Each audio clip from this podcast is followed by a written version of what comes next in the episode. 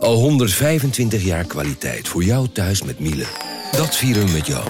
Ontvang nu tijdelijk een cashback tot 125 euro op veel Miele-apparatuur. Geniet van de kwaliteit van Miele. Voor perfect verzorgd wasgoed en kleding die veel langer mooi blijft. Voor een stralend schone vaat, even perfect als jouw diners. En een stofvrij thuis waarin echt hygiënisch schoon de standaard is. Check miele.nl voor alle feestelijke aanbiedingen.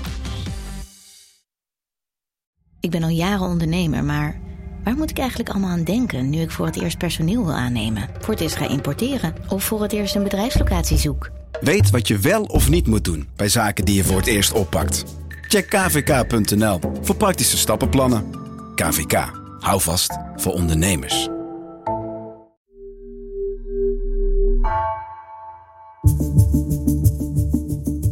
Vanaf de redactie van NRC het verhaal van vandaag. Mijn naam is Egbert Kalsen.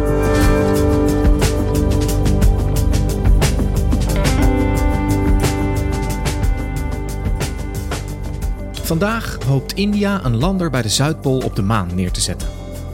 En dit weekend mislukte een Russische poging om datzelfde te doen.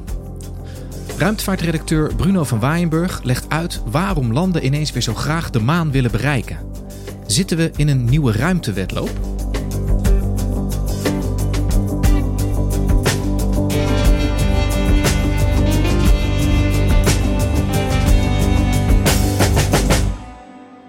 Bruno, jij bent uh, onze redacteur ruimtevaart en uh, afgelopen weekend was een bijzonder weekend. Kun jij eens vertellen, wat is er gebeurd?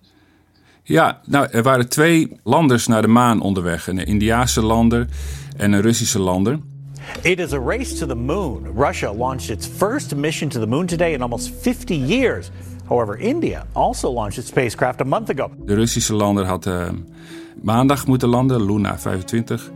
En de Indiaanse lander vandaag, Chandrayaan 3 heet hij. Dus Luna 25 was gelanceerd op 10 augustus vanuit Vostochny. Dat is het nieuwe ruimtevaartcentrum helemaal in het verre oosten van Rusland.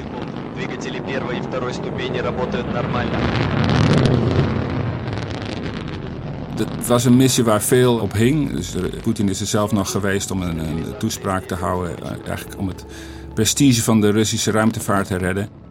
Mission critical to Russia and its president Vladimir Putin because this was the first lunar moon launch for them in nearly 50 years. Afgelopen weekend was ik mijn zoon aan het verhuizen. Dus niet echt bezig. Verwacht ook niet echt nieuws nog.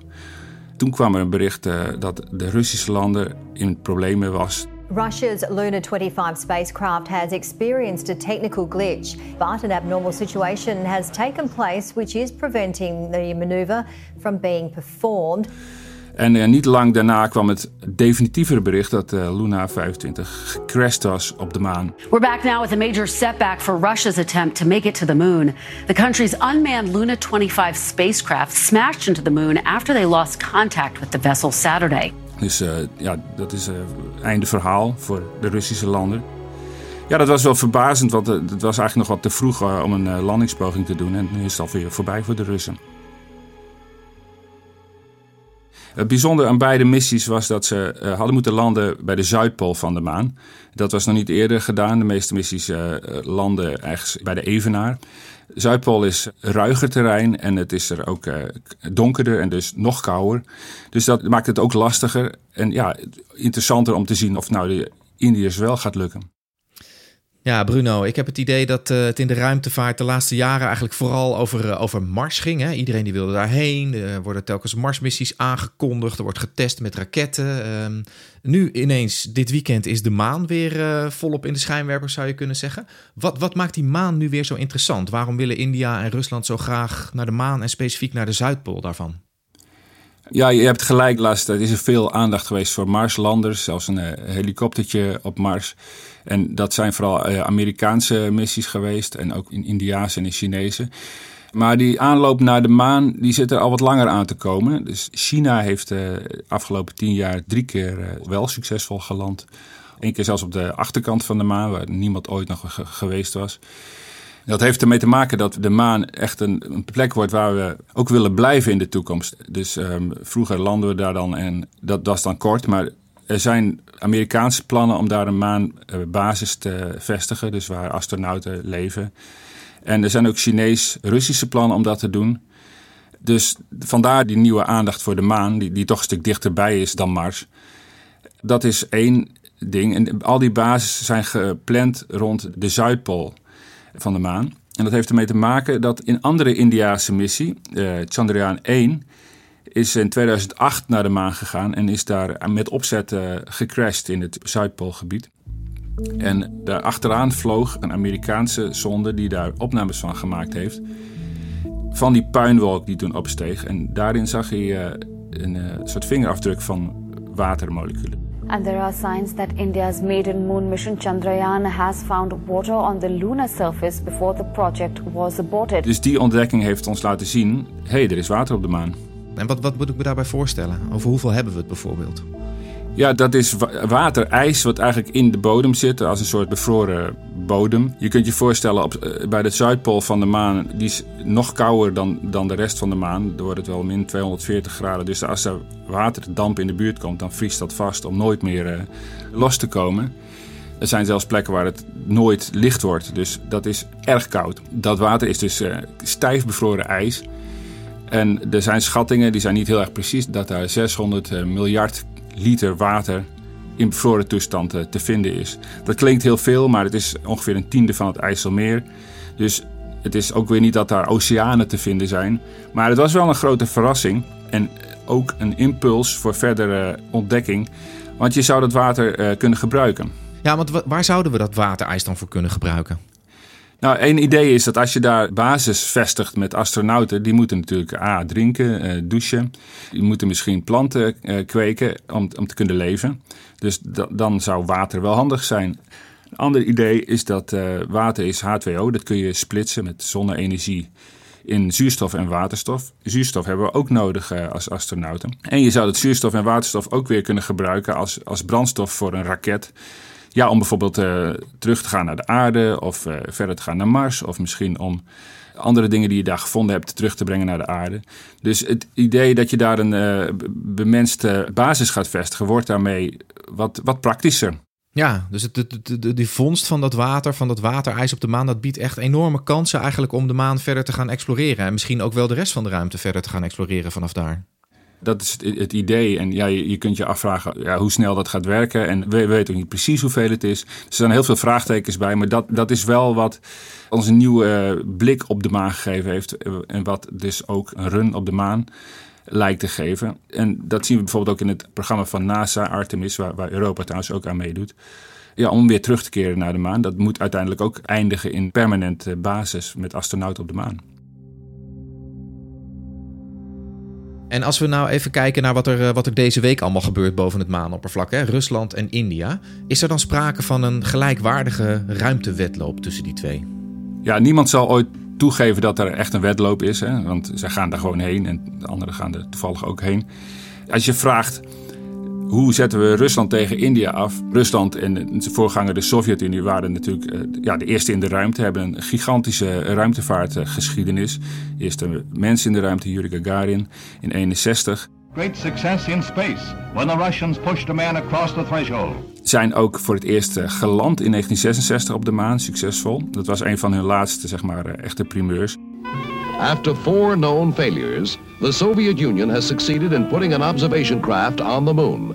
The pictures show that the soil is rough textured and sponge-like with little dust, ideal for landing a manned spacecraft. Na de val van de Sovjet-Unie stortte dat uh, keihard in, maar zijn ze teruggekomen. Dus ze gaan samenwerken met Amerikanen in het internationaal ruimtestation. En ze zijn heel veel gaan lanceren, dus satellieten commercieel gaan lanceren. En dat ging aanvankelijk heel lekker met de oude omgebouwde kernraketten en eh, de, beroemde Soyuz-raket die al eh, uit de jaren 60 stamt. Maar toen kwam eh, Elon Musk met zijn veel goedkoper Amerikaanse raketten. Die nam ook de taxidienst van astronauten naar het internationaal ruimtestation over. Dus het was eigenlijk een aflopend verhaal voor de Russen. Ook omdat hun lanceringen nog alles misgingen. It started as a textbook launch. The Phobos Grunt probe on top of a Zenit 2 rocket blasted off from Baikonur Cosmodrome in the middle of the night. But once the booster rockets had fallen away, the Russian spacecraft failed to fire its own engines to set it on its path to Mars. In, in 2012 is een Marsmissie op roemloze wijze nooit verder gekomen dan een baan om de aarde. It seems its navigation system has failed. Engineers have three days to reprogram the craft's computer in a desperate attempt to salvage the mission before the batteries go flat. Er zijn heel veel ongelukken geweest met Russische raketten, soms echt een seconde na de lancering. An unmanned Russian rocket veered off course and exploded in a fireball today. Check out that video.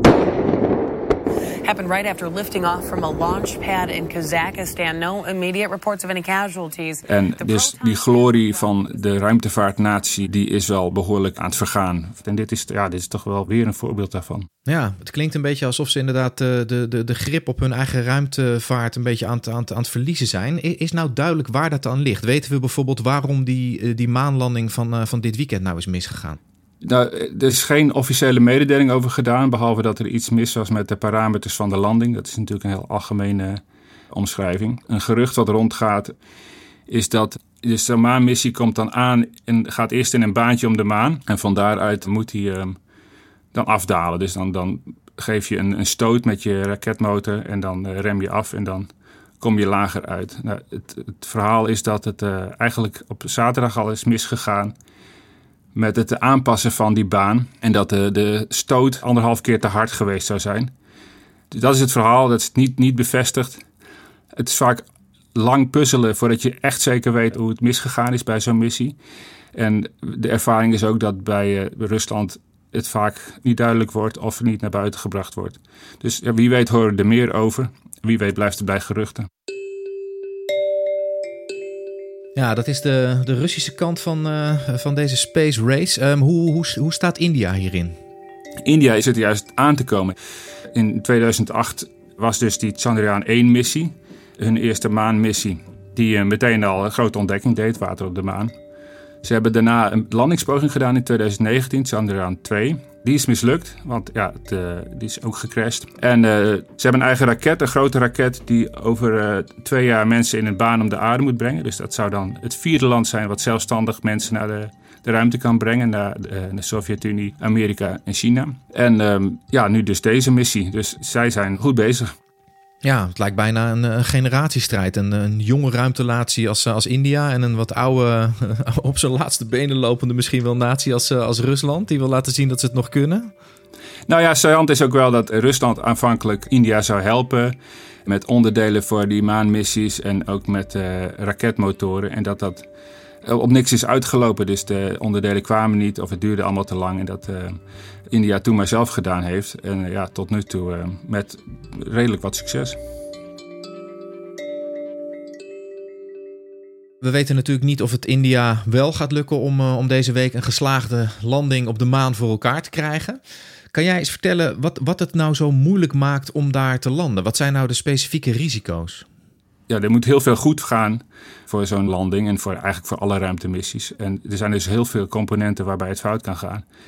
Je kunt het niet echt oefenen, het vacuüm van de ruimte, gewichtloosheid. Het is toch een greep van nu moet het goed gaan.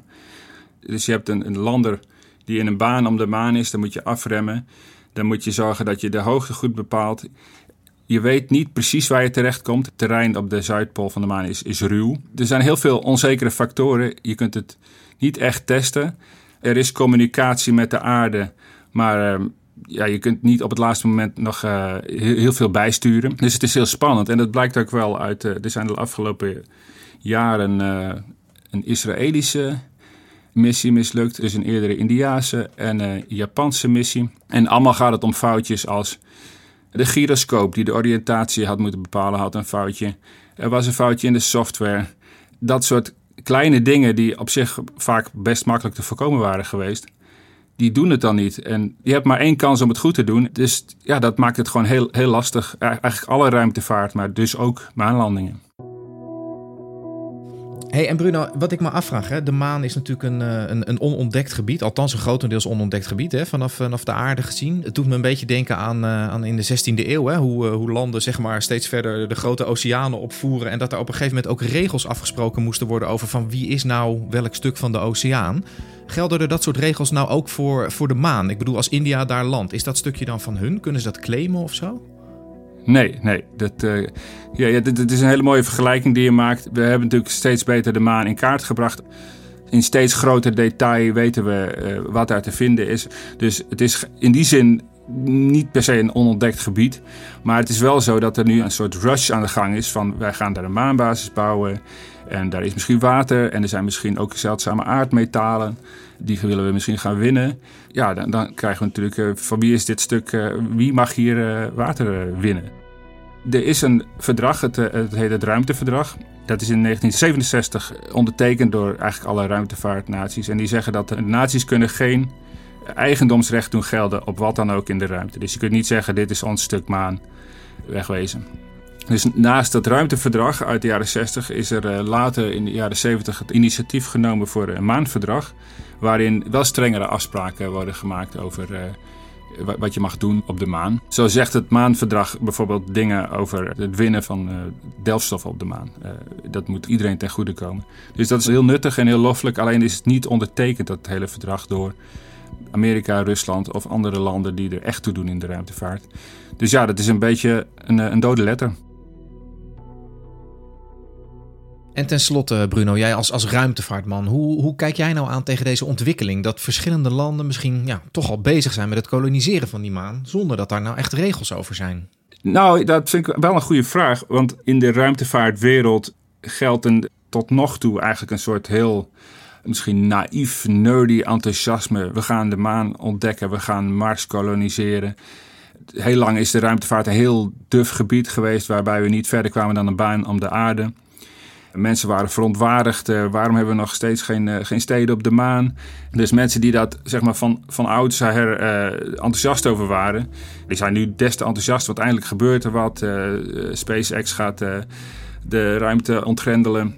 Maar ja, het woord koloniseren heeft natuurlijk niet voor niks een slechte bijsmaak. Je kunt ook zeggen, waarom moeten we nou daar toch, toch ook weer een mijnen gaan vestigen en misschien het oppervlak van de maan beschadigen? Waarom moeten we de hele uh, lage aardbanen vol met satellieten gooien, zodat we s'nachts uh, geen sterren meer zien, maar witte bewegende stipjes? En ja, daar kun je best vraagtekens bij stellen.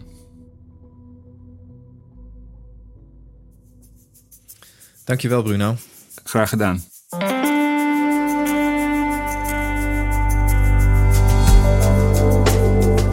Je luisterde naar vandaag, een podcast van NRC. Eén verhaal, elke dag. Deze aflevering werd gemaakt door Anna Korterink en Jeroen Jaspers. Coördinatie Henk Ruigrok van de Werven.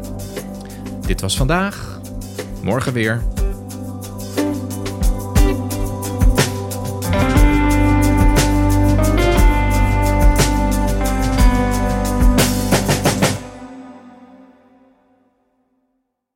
Technologie lijkt tegenwoordig het antwoord op iedere uitdaging.